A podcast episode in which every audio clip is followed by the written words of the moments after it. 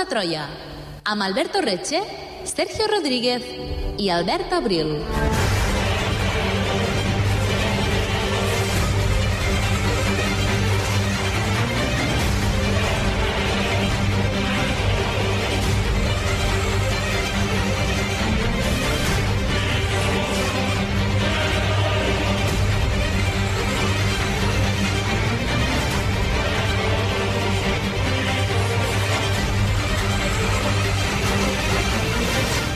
De la història militar hi ha hagut diferents innovacions al camp de batalla que han obligat els exèrcits a reinventar-se, a crear nous mecanismes i estratègies per afrontar la novetat. Podria ser el cas de la pólvora, la cavalleria pesada, l'aviació, les armes de repetició. Tanmateix, si posem la nostra lent al món antic, i més concretament en el període hel·lenístic, la major innovació militar van ser els elefants de guerra, el seu sentit tàctic, les seves múltiples aplicacions, el temor que infonien al camp de batalla, el seu poder com a arma de xoc, la seva capacitat de transformar-se en torres mòbils des d'on disparar projectils arreu del camp de batalla, entre altres elements, el convertien en un poderós aliat, però també en una arma de doble fil. Avui, a les portes de Troia, desenvoluparem l'ús i la presència dels elefants de guerra al món antic. Benvinguts a les batalles amb paquiderms. Benvinguts a les portes de Troia.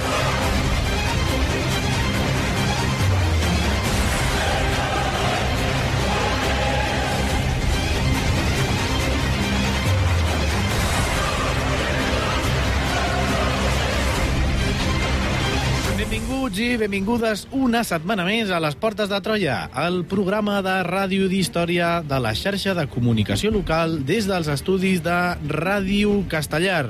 Programa 410 per parlar dels elefants de guerra al món antic. Un programa que tothom estàvem esperant i ho fem amb el nostre historiador de capçalera, Albert Abril. Hola, com anem? I no, no, no era ironia, vull dir que no estic dient en plan... No, no, estem esperant aquest programa perquè segurament serà superinteressant eh, i per saber, entre altres coses, si val la pena tenir elefants de guerra al teu exèrcit. Uh, no sé si val la pena, uh, ara ho comentaré una mica més, però sí que val la pena perquè quan vam fer el programa Els Diàducs uh, vaig pseudoprometre que faria aquest programa i em vaig quedar amb les ganes i mira, jo sí que compleixo les promeses. Uh, en fi, val la pena tenir elefants en, uh, de batalla en el teu exèrcit? Sí, sí I no. I no, exacte.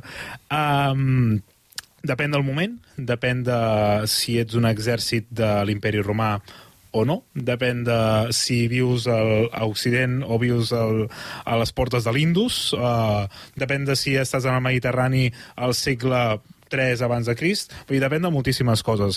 Uh, és cert que en, en certs moments i en certes batalles uh, el- l'elefant va ser molt determinant, de fet, quan vam parlar dels diàdocs, vam parlar, per exemple, de Seleuc i de la batalla d'Ipsus, que van ser superdeterminants per per la, per la victòria, però eh, en altres batalles els elefants simplement estan allà i quan se'ls aprèn a combatre, doncs, eh, ja està, és com combatre eh, els genets, a veure, són una mica terrorífics, no? veure com diverses tones se t'estan tirant a sobre carregades de, de ferro, eh, però bé, al final els elefants sí que són determinants en certes batalles, en certs moments, però veurem com van perdent im- importància. Però també, si tenim temps, potser comentem alguna batalleta. Sé que el títol és uh, la guerra, el, els elefants de guerra al món antic, però si al final del, del programa podem fer un petit apèndix, potser comentem alguna batalleta del segle XVIII, mm -hmm. on encara es van utilitzar uh, els elefants de guerra.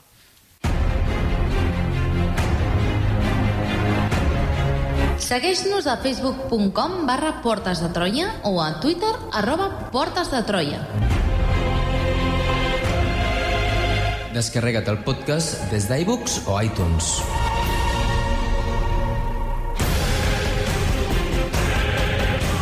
I descobreix tots els continguts del programa a la nostra pàgina web www.portesdetroia.cat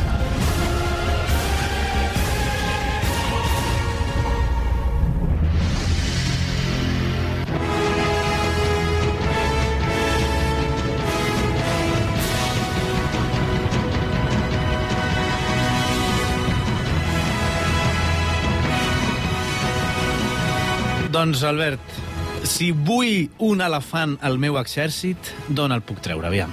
Actualment uh, és bastant difícil, primer de tot, que tu tinguis un exèrcit i, i l'altre és trobar elefants, a no sé que siguis uh, rei i tinguis facilitat per anar-los a buscar a algun lloc. Uh, però, en fi, uh, els elefants són animals originaris de zones temperades i suaus també del sud i el sud-est d'Àsia, de l'Àsia occidental i també d'Àfrica. Uh, són animals que tenen una... O sigui, per tant hauríem d'anar aquí, no? Però abans d'anar-hi també hauríem de tenir en compte que són animals que tenen una gestació de 22 mesos i només per aconseguir, entre moltes cometes, una cria. No? Això també ja per anar-nos introduint de la, de la eterna logística que suposa mantenir un elefant o criar-los. Carai. A, a més, la quantitat d'aliment i el tipus d'aliment que ingereixen és enorme. Per tant, la natura sí que és... és uh, o sigui, la natura els proporciona el que necessiten per viure, però un exèrcit proporcionar-los el que necessiten per alimentar-se durant campanyes senceres, ja ens podem imaginar que són quantitats ingents d'un menjar uh, molt concret. Um, ens hem d'imaginar que aquests elefants fora del seu hàbitat no reprodueixen amb tanta tranquil·litat uh, i proporcionar-los el menjar necessari, com ja hem dit, és, és, és, és molt difícil. Per tant, gestacions a 22 mesos, això sí hi ha fecundació, uh, proporcionar-los a, a aliment, moltíssimes coses. A més a més, uh, calien uns cuidadors molt específics pels elefants i que les fonts clàssiques en aquest cas els anomenen els Mahout, uh, que eren els seus conductors a les batalles, ja ho veurem, però també eren els seus cuidadors individuals, és a dir, cada elefant tenia el seu Mahout. Um, aquests mahouts muntaven al coll de l'elefant durant la batalla, els cuidaven eh, durant el temps de pau o els dies de tranquil·litat i es servien d'una mena de garfi allargat per conduir l'elefant. Llavors, eh, aquest garfi, o sigui, per conduir-lo, simplement podien fer puntades de peu a darrere les orelles dels elefants o punxant-los amb aquest garfi, eh, més fort o més fluix, en zones sensibles, com per exemple un altre cop també les orelles. Um, des d'allà, des del coll de l'elefant, també li podien impartir una ràpida mort a l'elefant si aquest perdia el control o el embogia durant la batalla, que era una cosa bastant natural, com ja anirem veient al, al llarg del programa. I com arriba l'elefant al Mediterrani? Clar, l'àmbit mediterrani, eh, en l'àmbit militar no? i de, i de l'antiguitat, és Alexandre qui l'introdueix eh, com un nou element bèl·lic. De fet, no és ell, o si no és directament Alexandre el Gran, sinó una conseqüència col·lateral de les seves, de les seves gestes. Uh, tot i que tenim registre de més o menys l'any 1100 abans de Crist dient que els indis ja usaven ocasionalment els elefants a la guerra, no va ser fins la mítica batalla de Gaugamela, que de fet la cançó que hem escoltat fa un moment és el, el preàmbul de la batalla de Gaugamela a la grandíssima pel·lícula d'Alexandre el, el Gran, amb la gran banda sonora d'Evangelis, Uh, no serà fins a aquesta batalla de Gomela que el primer exèrcit europeu, uh, l'exèrcit d'Alexandre, no s'enfrontaria contra una tropa que disposava d'elefants. Uh, Darius III, l'últim rei de la Pèrsia Camènida, va voler frenar a les imparables falanges d'Alexandre amb una terrible arma de xoc, que eren 15 elefants entrenats per la guerra. Segurament la seva idea era trencar les formacions impenetrables de piques, de, de piquers d'Alexandre, però no ho sabem perquè tots els 15 elefants, durant tota la batalla, es van quedar en una posició de rereguarda durant tota la batalla.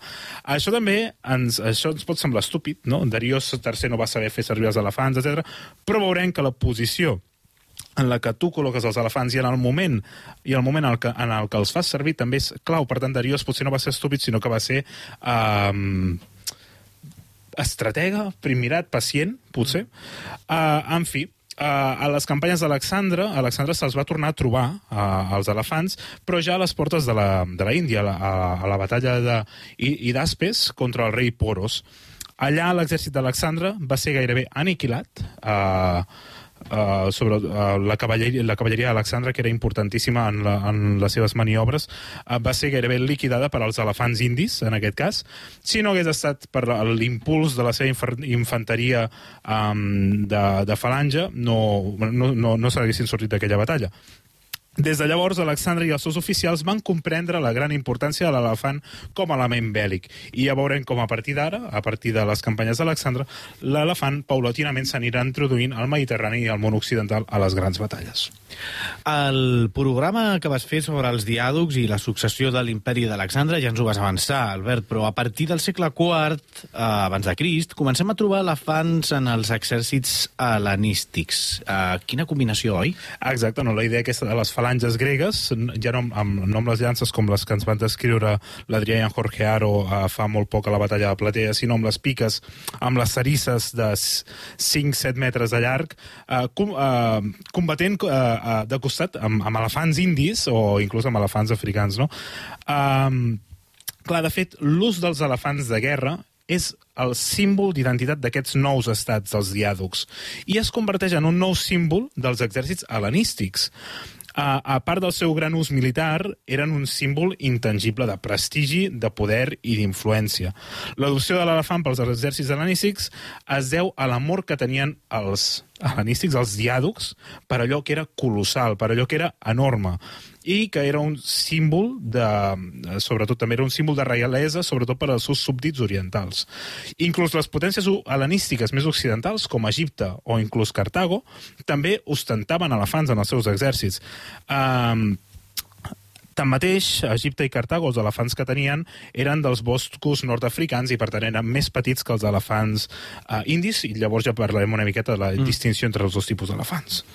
Com es captura un elefant i, i, i com es fa per ensinistrar-lo després per, perquè, perquè faci la guerra? Uh, no ho sabem del cert, però tenim diversos textos clàssics que ens, ens parlen una miqueta sobre com podia passar això, no?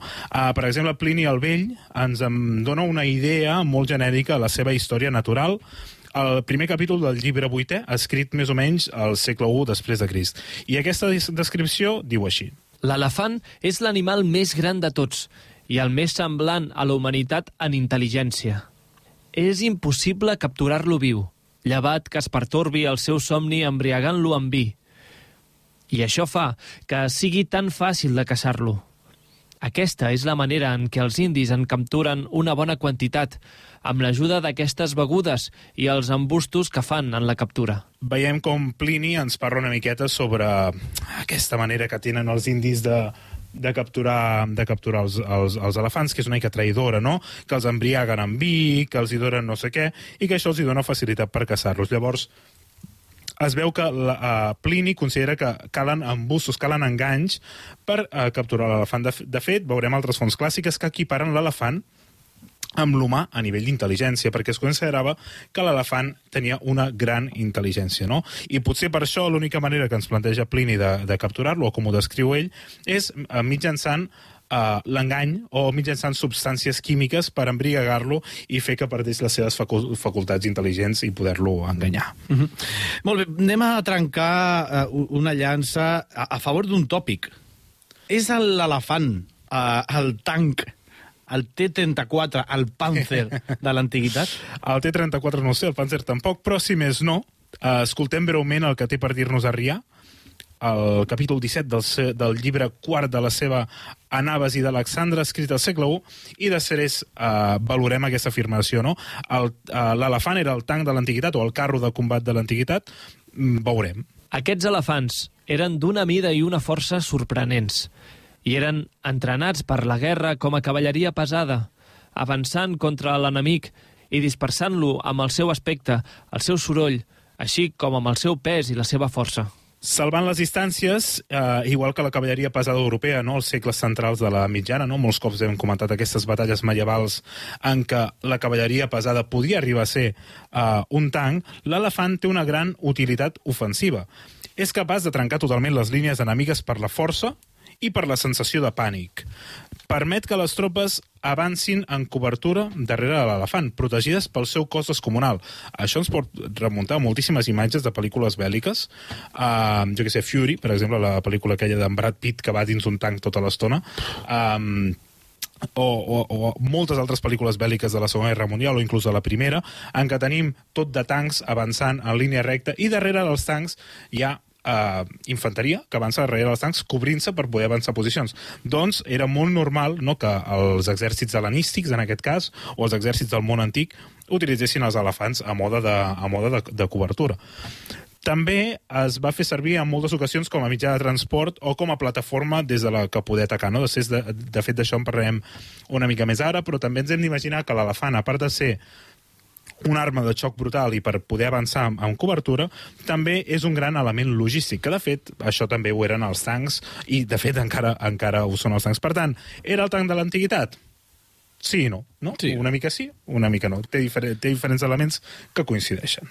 I no pot faltar en aquest programa d'avui la referència, òbviament, als olifants, als Mumakils, a la batalla dels camps del Pelennor, al Senyor dels Anells de Tolkien, on aquests eh, el símil dels, dels elefants eh, destrossen absolutament la cavalleria dels, dels Rohirrim amb, amb vestida i apareixen amb estructures senceres als seus lloms i quan estaves abans descrivint tot això, doncs segurament més d'un s'han recordat no, d'aquestes escenes del Senyor dels, dels Anells.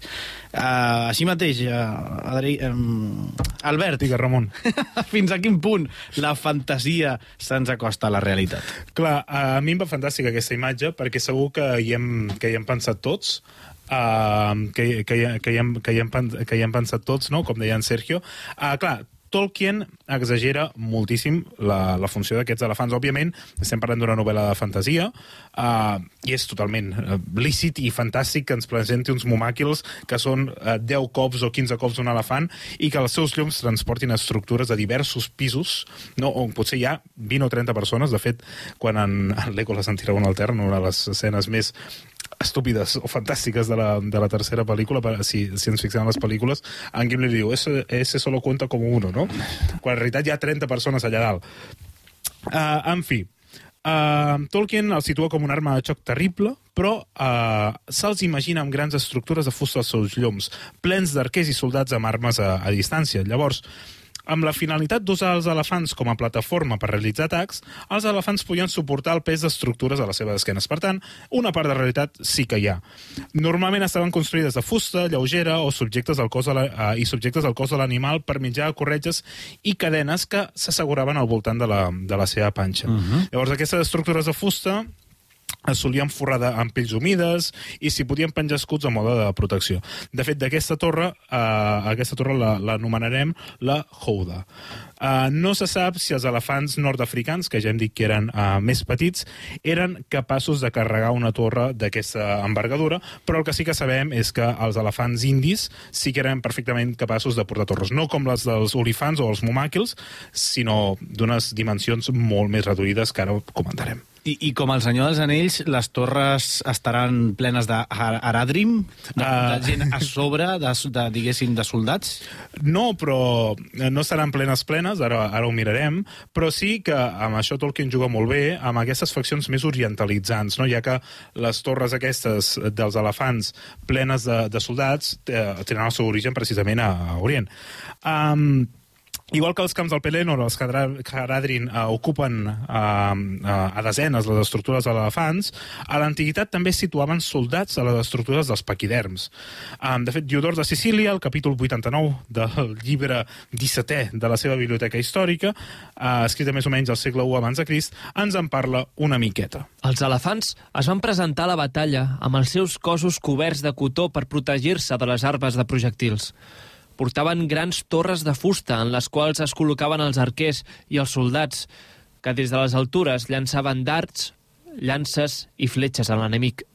De fet, normalment eh, eren soldats de, de poc pes, armats amb, llar- amb armes llancívoles, amb javelines i arcs.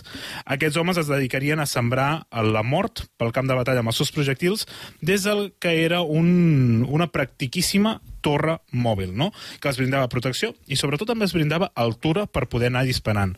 Des de l'estructura podien atacar cap endavant, cap enrere, cap als laterals i sobretot podien protegir el paquiderm dels atacs dels enemics. A les portes de Troia. La història a la ràdio. Descobreix tots els continguts del programa a www.portesdetroia.cat.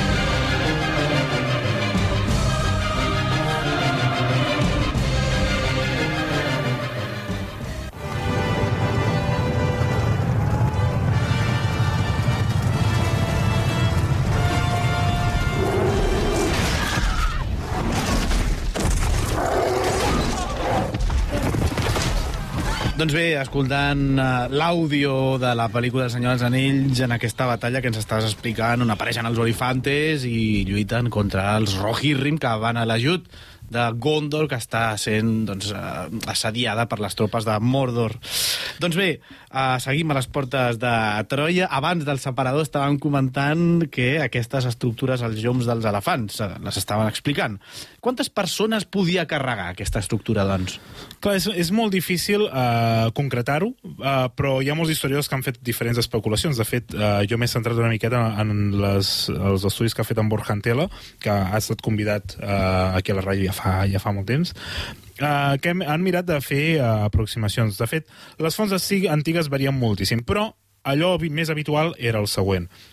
Per una banda teníem el Mahout, que era el cuidador conductor, que ja n'hem parlat abans, que estava assegut a, a forcallades al coll de la bèstia. És a dir, literalment assegut al seu coll. Um, a part del Mahout, i ja en el llum, ja a l'esquena de, de l'elefant, en aquesta estructura de fusta que hem mencionat abans, hi podien anar segons les fonts antigues, fins a tres soldats armats amb llances, eh, amb armes llancívoles o altre tipus d'armament lleuger. Um, una altra opció era que la torre eh, allotgés un piquer armat de manera pesada que es dedicava a mantenir allunyats els enemics mentre eh, els seus dos companys, eh, més armats de manera més lleugera, amb arcs, fletxes, javelines, pedres inclús, eh, bueno, es, es dedicaven a, a repartir projectils per tot el camp de batalla des del de, que era literalment una atalaya o una torre eh, mòbil. Clar, ens imaginem un piquer a dalt de l'elefant, agafant la pica de 5-7 metres de llargada i allunyant a les persones que volguessin danyar les potes de l'elefant o inclús eh, danyar el mahut, que precisament és, és dels principals punts dèbils de l'elefant. No? Si li mates el conductor o el cuidador, Clar. aquest elefant ja no sap què fer, no? Uh, I aquesta seria una miqueta la idea, no? El Mahout i tres soldats. Aquests tres soldats armats amb armes a distància o dos amb armes a distància i inclús un piquer per anar allunyant la gent d'una manera més manual, per dir-ho d'alguna manera. I a part d'aquests integrants de la torre, l'elefant tenia més acompanyants? Clar, uh, l'elefant acostumava a anar acompanyat d'una escorta a peu, formada per infanteria lleugera, que fossin capaços de seguir el ritme de, de l'elefant. Que aquesta infanteria es dedicava bàsicament a protegir els punts més febles de, de l'animal. Que el fet de carregar uns quants centenars de quilos a la seva esquena feia que l'elefant fos molt més lent i poc àgil i, per tant, més vulnerable. Clar, ens hem d'imaginar que carregar quatre persones a la teva esquena, uh, més tota una estructura de fusta, més les cadenes, més, si a més a més portava proteccions metàl·liques o proteccions de cuir, tot això són molts quilos això a l'esquena. Això només ho sap un monitor d'esplai. sí. Carregant nens. A la piscina, a l'estiu. Oh no, per favor. Sabem del quins, que parlem, quins eh? records, sí. Uh, alguns d'esplai, alguns de cau, però no passa res. Uh, al final els nens, els nens pesen el mateix. Uh, Hosti, feia temps que no teníem aquest, feia aquest temps. dilema. Però està bé recordar sempre. Això sí que ha sigut Metarràdio, eh? Està a Metarràdio, això? Sí. Em sembla perfecte. No, endavant. Uh, però, en fi, la, la idea és, és aquesta, no? Que la infanteria lleugera el que feia era protegir aquest animal que estava enlentit i estava uh, vulnerable per culpa de portar tantes estructures artificials a sobre.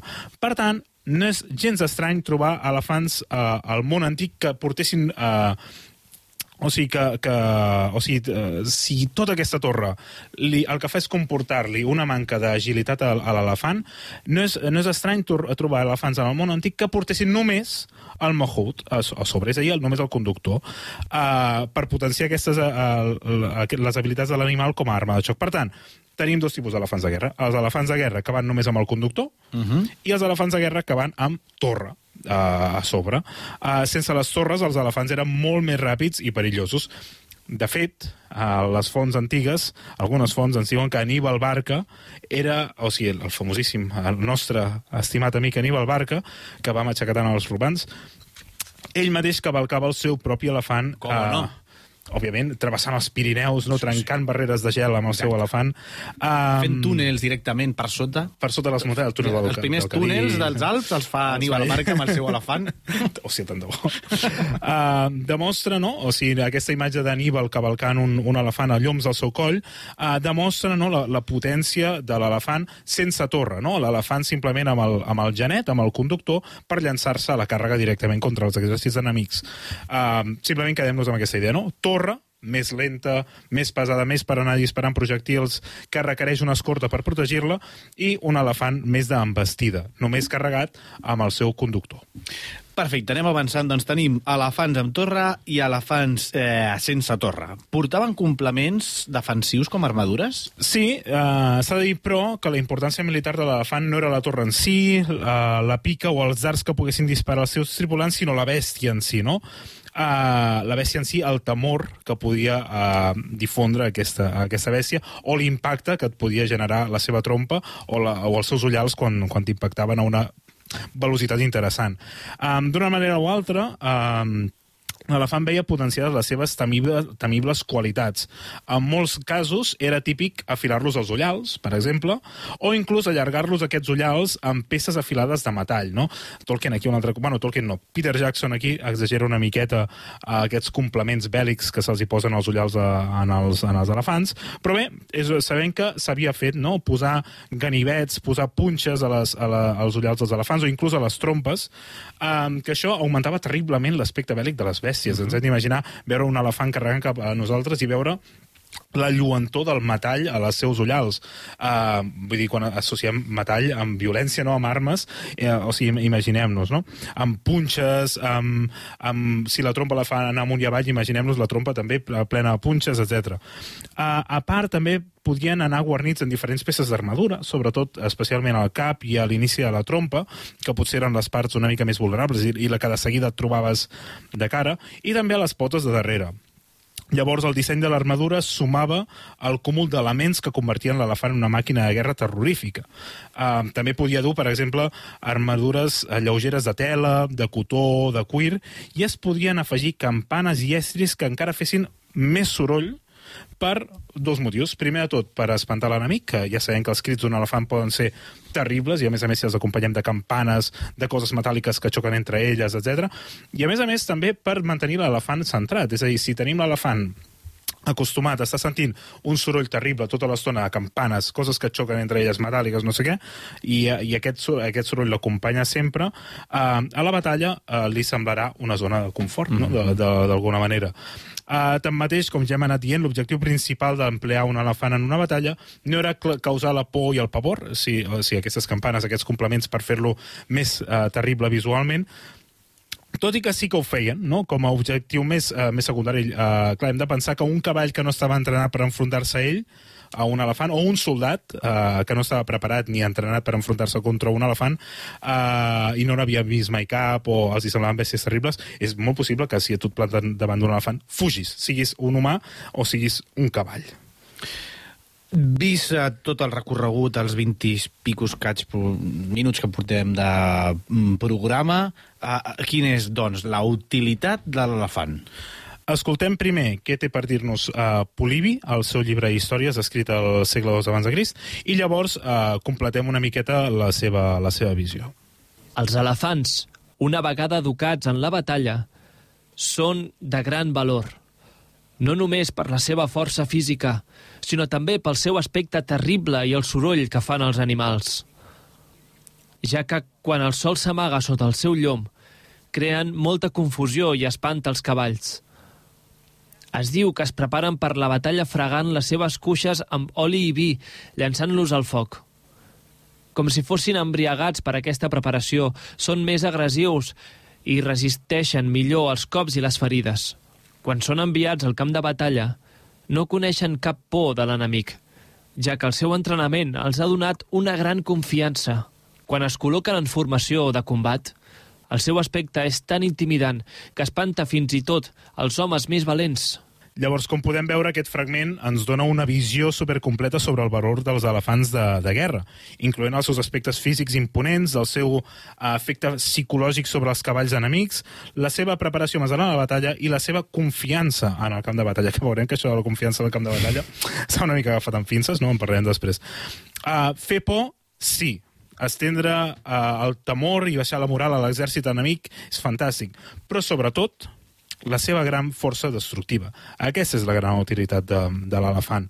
Aquells soldats que no abandonaven el seu lloc davant de la càrrega de, del paquiderm, acuirassat, s'enfrontaven a una mort gairebé segura.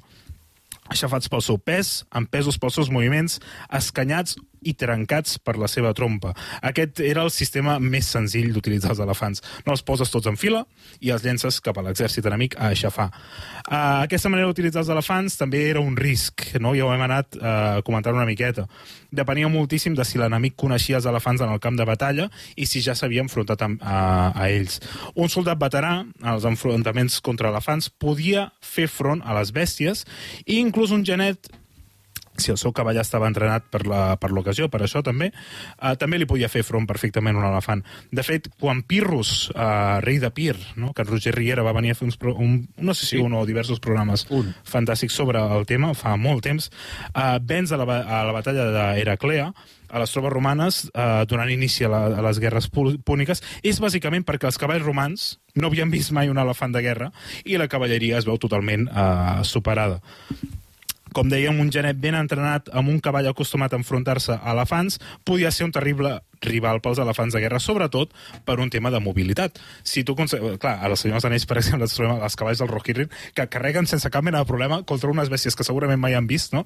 que són 20 cops més grans que ells, sense cap mena de problema. Això, òbviament, és el, el, el component fantàstic de la pel·lícula, això en una batalla real no passa. O a la pel·lícula Alexandra, no? quan uh, Bucèfal s'enfronta de cara a un elefant indi. Vull dir, això, si la, el cavall no estava preparat i no estava entrenat, és gairebé impossible.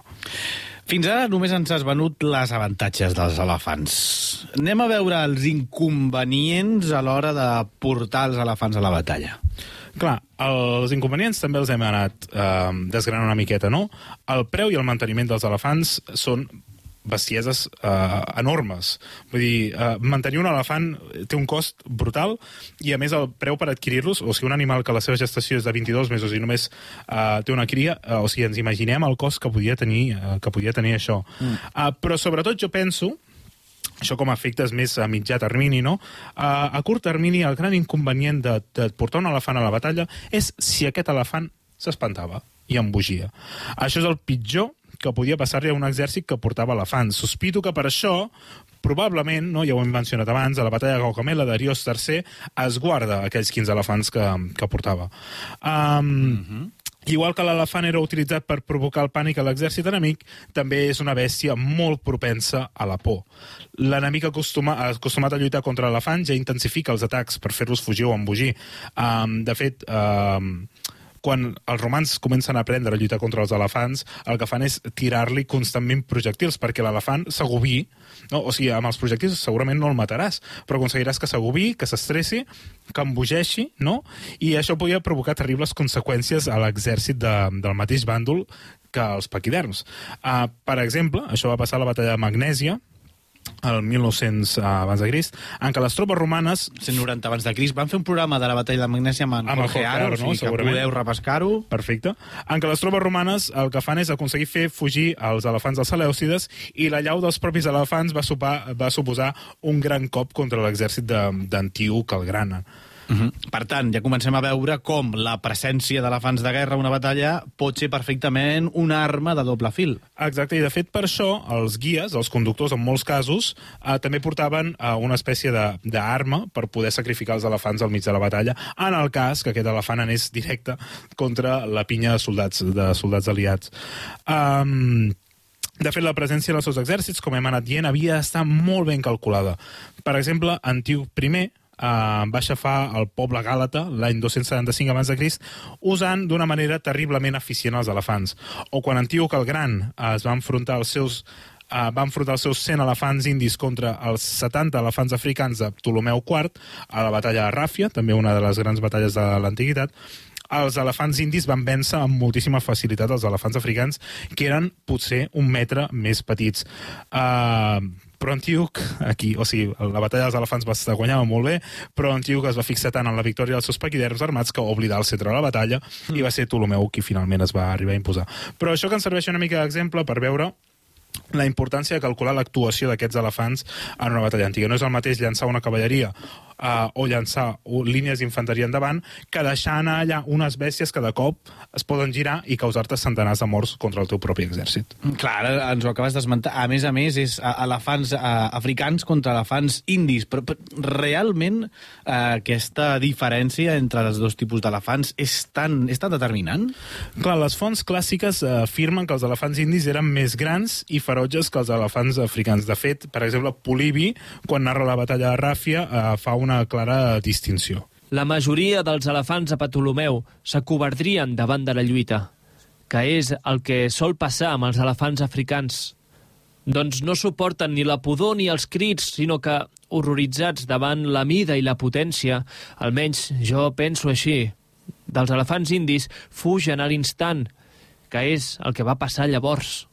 I, de fet, aquest passatge, i molts d'altres lluant els elefants indis per davant dels africans, ha dut a moltíssima confusió als historiadors, ja que actualment l'elefant africà uh, és l'elefant de les sabanes i és més gran que l'elefant indi. Llavors, els historiadors s'han trobat amb... Però com pot ser que si actualment l'elefant africà és més gran que l'elefant indi, en aquella època fos al revés, al revés no? Um, actualment, l'elefant uh, africà fa fins a 4 metres d'altura mm -hmm. i pot arribar a pesar 7 tones. En canvi, un elefant indi pot mesura entre 2,5 3,5 metres d'altura i pot fer eh, i pot tenir uns 5, unes 5 tones de pes, més o menys. Això a l'actualitat, Això a l'actualitat, eh? això a l'actualitat. No ens perdem ara. Uh, L'equació ja està solucionada i és que els elefants africans que es van fer servir a l'antiguitat, uh, per exemple, pels Ptolomeus o pels cartaginesos, eren d'una espècie que avui dia en, uh, gairebé s'ha extingit, que so, er, són els elefants de bosc, no són els elefants de sabana, que són els que veiem als documentals uh, o quan algú va fer un safari amb escopeta. Uh, sinó que són elef elefants molt més petits, que són elefants de bosc. O l'emèrit. O, bueno, safari amb escopeta. Ah, bueno, sí. uh, uh, doncs aquests elefants de bosc medien entre 2 metres, 2 metres i mig davant, dels 2 metres i mig, 3 metres i mig de l'elefant indi. Per tant, a l'antiguitat, l'elefant indi sí que era més gran que els elefants africans. Bueno, tornem a l'embogiment dels elefants. Sembla que, que és recomanable utilitzar aquestes bèsties amb pocs soldats al voltant, oi? Només per si de cas.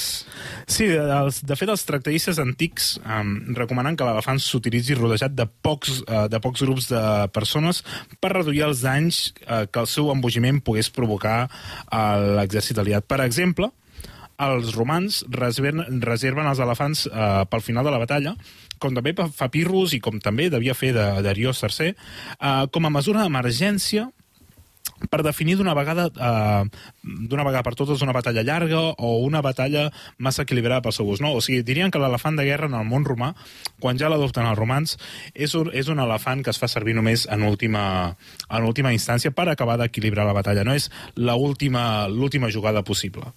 Uh -huh. I entenc que els elefants no només tenien una funció bèl·lica a la batalla.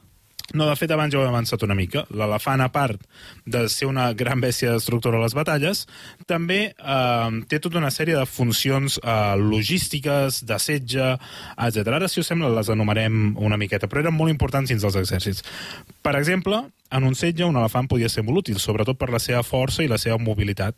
Eh, podia trencar fortificacions menors, com per exemple empalitza, empalitzades, o els arquers de la, de la torre podien fustigar perfectament els defensors de les muralles, mentre les tropes... O sigui, uh, un dels grans problemes d'un setge és que tocar a un arquer de la muralla des del terra, mentre estàs al voltant de la muralla, és, és molt difícil. En canvi, si tu vas amb un elefant que et situa a una altura més similar a l'arquer de, de la muralla, és molt més fàcil poder-lo fustigar i poder-lo encertar. Um, si tu aconsegueixes fustigar els arquers de la muralla, els assetjants, els atacants, poden avançar més tranquil·lament cap a, cap a la muralla. Això passa, per exemple, a, a Numància. Tenim elefants de la batalla de Numància. Um, no a la primera, uh, bueno, de fet a la primera també, però la utilitat que se li dona és en una altra. Quan Cornèlia Escipió Emilià, uh, fill de Cipió, del famosíssim Escipió l'africà, mm uh, serà qui prengui la, la, la ciutat de Numància. Per altra banda, els elefants també podien ser uns grans portadors, ja que podien carregar paquets de grans dimensions i, i, i de gran pes per territoris complicats. Vull dir, l'elefant ens pot semblar una bèstia, però és, és un elefant, de fet, l'elefant africà és l'elefant de bosc. No està acos- acostumat a desplaçar-se perfectament pel mig de boscos, pel mig de muntanyes. Aníbal creua els Pirineus i creua els Alps amb 37 elefants. A veure, comença amb 37, arriba amb 7 a Itàlia, si no m'equivoco. Però bueno, que els elefants en su- superen unes bestieses i a més a més eh, fent-los servir de, de càrrega. També els elefants podien tenir una funció de butxins, uh, fent-los servir per efectuar càstigs exemplars, aixafant amb les seves potes els pobres acusats d'un crim. No tenim uh, els acusats d'un crim, si fos el que fos, però era molt típica... Bueno, molt típica. Podria recuperar això, eh? Aixafat per elefant. Home, podria ser una mort curiosa. Uh, tenim els acusats uh, de l'exèrcit asseguts i lligats i els hi tirem un elefant a sobre. També uh, els elefants es poden utilitzar com a mur, ara, uh, i no com a mur, o sigui, diferents tipus de mur, no? I per, però, per exemple, a les guerres dels iàducs, recordem el nostre programa dels, dels iàducs, quan Pèrdiques um, se'n va cap a, cap a Egipte, per creuar el riu, situa els seus elefants fent un mur al llarg del Nil per aminorar la corrent i poder-lo creuar tranquil·lament amb les seves tropes per darrere els elefants. Llavors, eh, això per deposar a Ptolomeu. Llavors, els elefants també es poden fer servir de, literalment, un mur de, de contenció. Uh, en altres batalles, com per exemple la batalla d'Ipsus, del 301 abans de, de Crist, Seleuc utilitza els seus 400-500 elefants per bloquejar la cavalleria de, de Demetri Poli- Poliorquetes, atrapant-lo en un mur de terribles criatures de 4 metres d'alt. Llavors, el que fa Seleuc és gairebé rodejar tota la seva cavalleria i per impedir que la cavalleria pogués maniobrar i, de- i va deixar també el general aïllat. Llavors, eh, en aquest cas no va fer servir literalment els elefants com a element de càrrega directa, sinó que els va fer, eh, els va fer servir de manera que bloquegessin l'avenç de l'enemic. Uh, I com hem explicat abans, uh, també els elefants podien servir com a barrera no? O sigui, tenim els elefants avançant cap endavant i les tropes d'infanteria situant-se darrere els elefants per avançar sense ser tan... O sigui, protegint-se una miqueta amb la- amb l'enorme figura del, del paquidern. Molt bé, doncs fins ara hem vist eh, les eh, coses positives que et pot aportar un elefant en batalla, les coses no tan positives que et poden fer perdre una batalla, però anem a veure si tu tens davant un elefant eh, en el teu eh, exèrcit contrincant un elefant, com el pares? Com ho fas per parar un elefant? Endavant. Clar, com quan s'introdueix qualsevol, uh, qualsevol element uh, nou en el món bèl·lic, uh, es genera un mecanisme de resposta, no? Igual que la pólvora apareix, doncs es generen noves fortificacions. Apareix la cavalleria pesada, doncs ens apareixen eines no, per poder tirar a terra aquesta cavalleria. Doncs quan apareixen els elefants, Uh, quan els elefants entren al camp de batalla, suposa l'aparició de diverses innovacions i mecanismes que servien per frenar l'avenç d'aquestes terribles bèsties.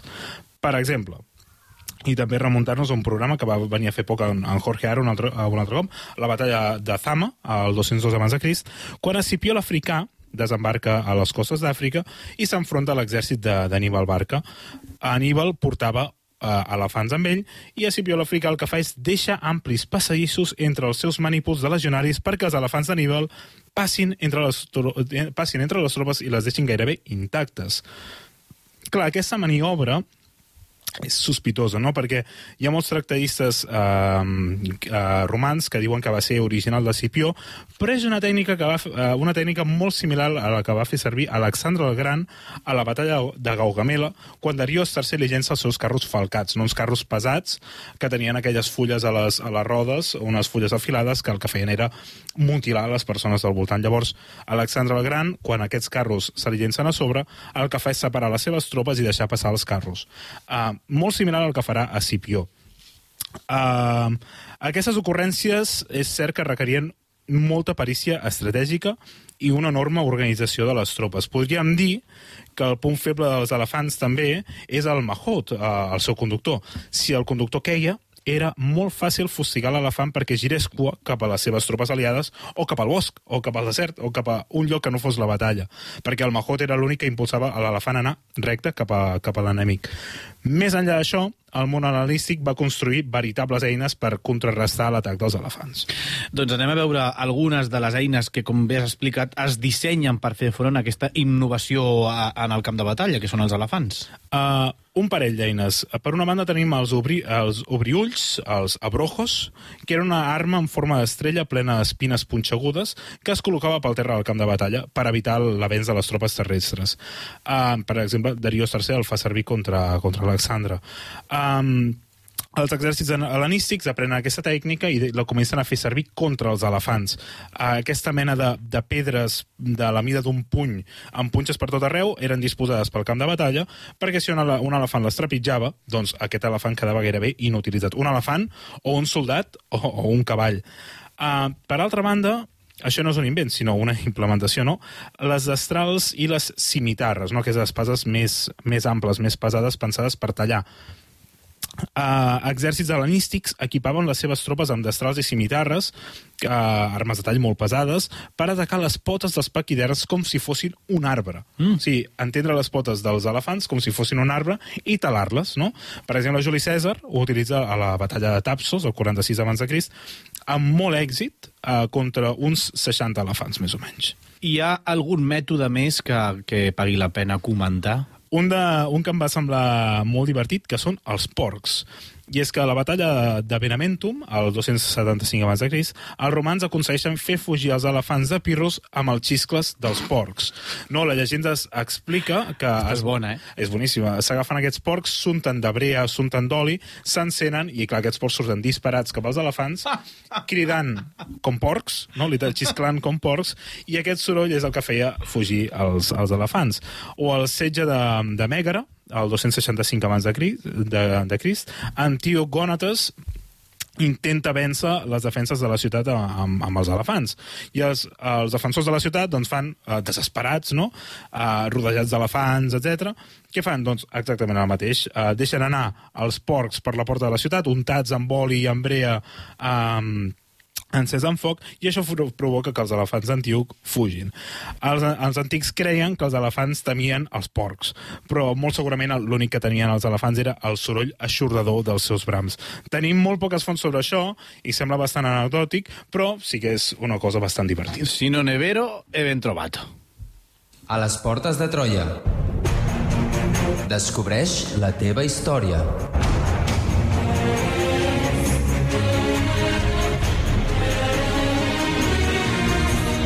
Troba'ns a facebook.com barra Portes de Troia i a Twitter arroba Portes de Troia.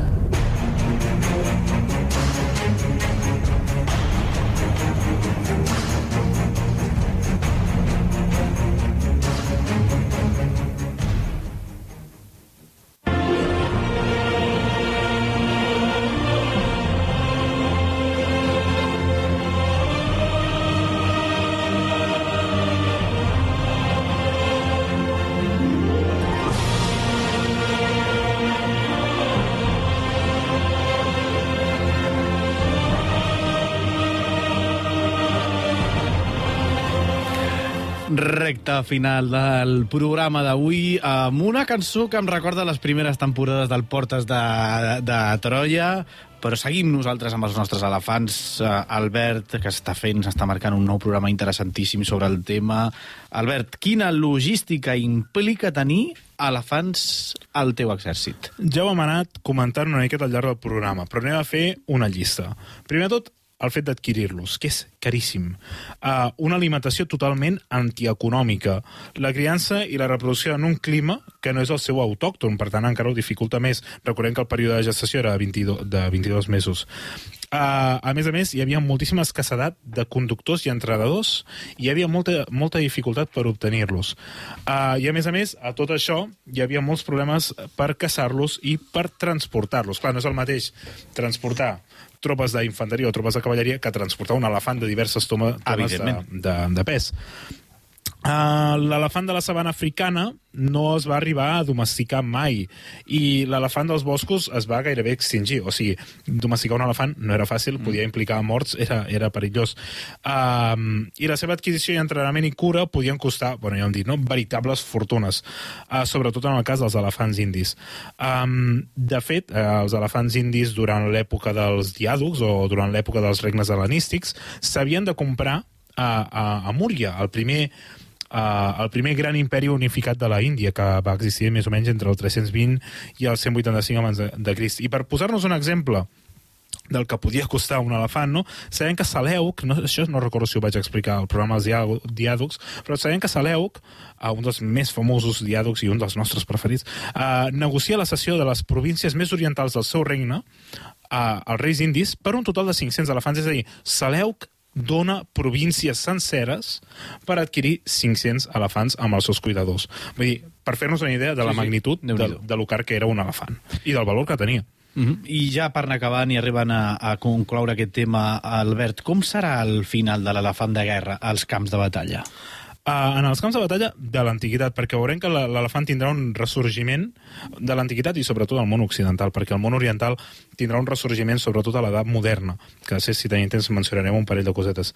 Amb l'arribada de l'imperi romà, els elefants van anar van ser apartats paulatinament del camp de batalla i van ser restringits fins als espectacles multitudinaris, a l'arena del circ, etc. Um, la pèrdua dels territoris selèucides indis i el domini eh, incondicional de l'imperi romà al Mediterrani van proporcionar el, ai, perdoneu, va, va, pro, van propiciar el seu abandonament al Mediterrani, quedant només els records dels grans reis i les batalles del món hel·lenístic. Clar, com que Roma va significar eh, bueno, la- l'apogeu no, dels exèrcits terrestres, de la infanteria pesada i tot, com que Roma no necessitava elefants per combatre Germània ni per combatre els, els parts perquè en tenia de sobres amb les seves legions d'infanteria pesada, doncs no li calien els elefants. Llavors, diguem que l'hegemonia romana en el Mediterrani significa la decadència dels elefants en el camp de batalla occidental. Molt bé. I abans de que passem a parlar de la participació concreta dels elefants en algunes de les batalles de l'antiguitat, i si ens dona temps de més endavant, uh, quines conclusions, a què punt... Re, uh, quatre pinzellades que els hi quedin ben clar als nostres oients sobre el programa d'avui. Clar, per molt potents i simbòlics que fossin, normalment els elefants no eren la clau de la, de la victòria. Per molt que a nosaltres ens agradi pensar que eren decisius, normalment no ho eren gaire, excepte en alguns casos molt concrets. L'elefant de guerra va donar lloc a tàctiques variades i diverses, eh, servien a qualsevol lloc del camp de batalla, donant suport a la cavalleria lleugera, als manípuls d'infanteria o a les falanges de piquers o directament carregant contra, contra l'enemic. El seu valor militar va ser importantíssim, tant per la seva uh, eficàcia relativa, no? eh, com a element bèl·lic uh, que no estava a l'abast de qualsevol exèrcit, no? o sigui, com ja hem dit, no qualsevol exèrcit podia permetre's tenir, tenir elefants, com per quan s'enfrontaven a soldats que desconeixien com defensar-se d'ells. Ara bé, la seva efectivitat es reduïa moltíssim quan s'enfrontaven a tropes que eren veteranes combatent-los. Els seus atorgar prestigi i imatge als exèrcits i es considerava, com ja hem dit abans, el tanc de l'antiguitat una arma psicològica, però no va ser una arma total ni definitiva, tot i que va tenir un caràcter molt polivalent. Torre mòbil, càrrega mortal, transport, reconeixement, enginyeria, setge, no? Uh, però també, com ja hem anat dient, era una arma de doble, era una arma de doble fil que Roma acabés amb l'ús de l'elefant de guerra no significa que es deixés d'utilitzar. Que després, si tenim temps, ja mencionarem algun apèndix no, d'aquest ús de l'elefant al llarg de la història. Doncs bé, ens queden, re, 3 minuts eh, de programa. A partir d'aquí, Albert, doncs tens eh, via Via lliure. lliure, via lliure per Carta- escollir carta eh, les batalles que et vingui de gust comentar doncs, perquè valgui la pena el paper de l'elefant en, en concret. Bé, uh, molt breument, perquè a la, les batalles dels diàdocs ja en vam parlar molt l'últim dia, llavors ara em centraré una miqueta en les experiències uh, romanes, que són de les que tenim més fons, també. Uh, per una banda, les guerres pírriques, uh, de Roma contra, contra Car Cartago, ai, de Roma contra el, el rei Pirrus de, de Pir. Uh, Pirros era molt propens a reservar-los a la rereguarda i només utilitzar-los, per exemple, molt avançada a la batalla, famós per les seves victòries pírriques, no? A la batalla era Clea, els romans perden contra els 30 elefants epirotes, però és que la campanya de Pirros cada cop té menys elefants, no? Comencem amb 30, passem a 17, etc. Uh, a la batalla d'Asculum, no? de, un any després de la batalla d'Heraclea, uh, Pirros torna a vèncer gràcies a la seva infanteria grega perquè els romans aconsegueixen uh, fer fu fugir els elefants i n'hi maten molts. I fins que arribem a la batalla de Benevent, en què els 17 elefants epirotes van ser neutralitzats. Llavors ja passaríem a les guerres púniques de Roma contra, contra Cartago, perquè Car Cartago introdueix els elefants en els seus exèrcits, es diu que gràcies a una trobada amb Pirros a Sicília. A la Primera Guerra Púnica Uh, hi ha unes quatre batalles però on participen elefants, però només en una uh, són aturats. A la Segona Guerra Púnica hi ha diverses batalles. A Trèvia, que és una que té lloc a la península ibèrica, que en Jorge Aro ja ens va explicar. Zama, ja ja n'hem ja n'hem parlat, ja n'hem parlat abans, a les guerres romano-síries i macedòniques, a les guerres celtíberes i inclús a la Segona Guerra Civil Romana, a la batalla de, de Tapsos, que és quan Juli Cèsar fa que el, les seves tropes tallin les potes dels elefants com si fossin arbres. Uh, finalment, i a mi m'agradaria acabar aquest programa fent una miqueta un petit apèndix. Um, sí que és, és veritat que l'elefant en el món antic es deixa d'utilitzar més o menys al segle I després de, el, després de Crist. A l'edat mitjana gairebé no hi ha referències d'elefants en el món de la guerra occidental, Uh, anecdòticament, anecdòticament sabem que Carlemany tenia un elefant i que el va dur per, comprar, per, el va dur per combatre els danesos al 804 o que Frederic II Hohenstaufen emperador de l'imperi, va tenir l'oportunitat de capturar-ne una terra santa i que el va utilitzar al setge o a la visita de Cremona al 1214. Però, bueno, són coses totalment anecdòtiques, però que fan, fan bastanta gràcia. I llavors, imaginem-nos, no?, si anem més a, més a l'Orient, a les portes de la Índia, les grans batalles entre l'imperi mogol, els regnes indis, etc. De 1500, 1700, 1600 trobem grans batalles on es combinen elefants, pólvora, infanteria, cavalleria. Per tant, veiem aquí un pupurri uh, fantàstic d'elements bèl·lics bestials. Moltíssimes gràcies, Albert Abril, per haver tractat aquest tema que segurament a molta gent li interessa saber què coi dels elefants a l'antiguitat. Moltíssimes gràcies. A tu, moltes gràcies. Al Carlos Lecegui, als àudios, com sempre, molt bé, moltes gràcies. A l'Adrià Tirada, del control tècnic, i qui us parla, Sergio Rodríguez. La pròxima setmana nosaltres us esperem amb un nou episodi de Les Portes de Troia.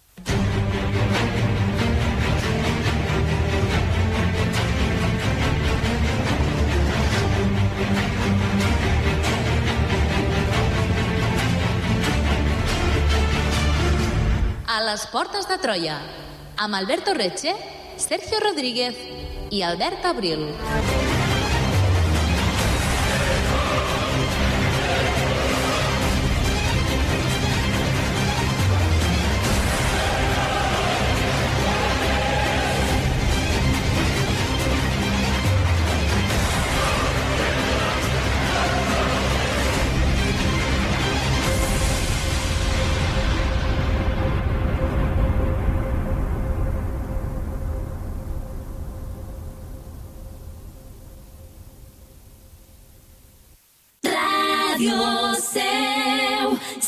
cette bande FM.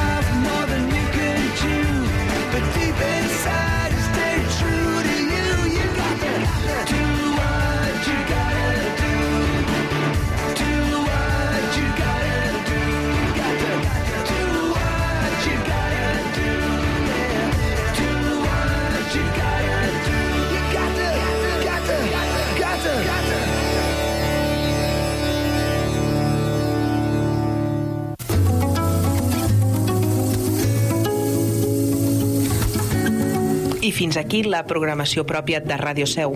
Connectem amb Catalunya Ràdio.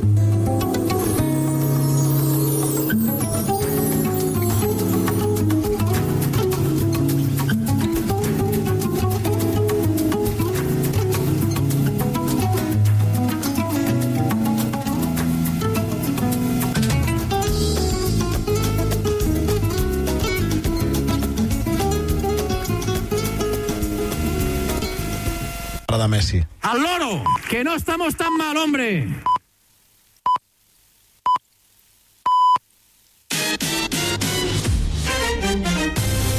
Catalunya Ràdio. Les notícies de les 9.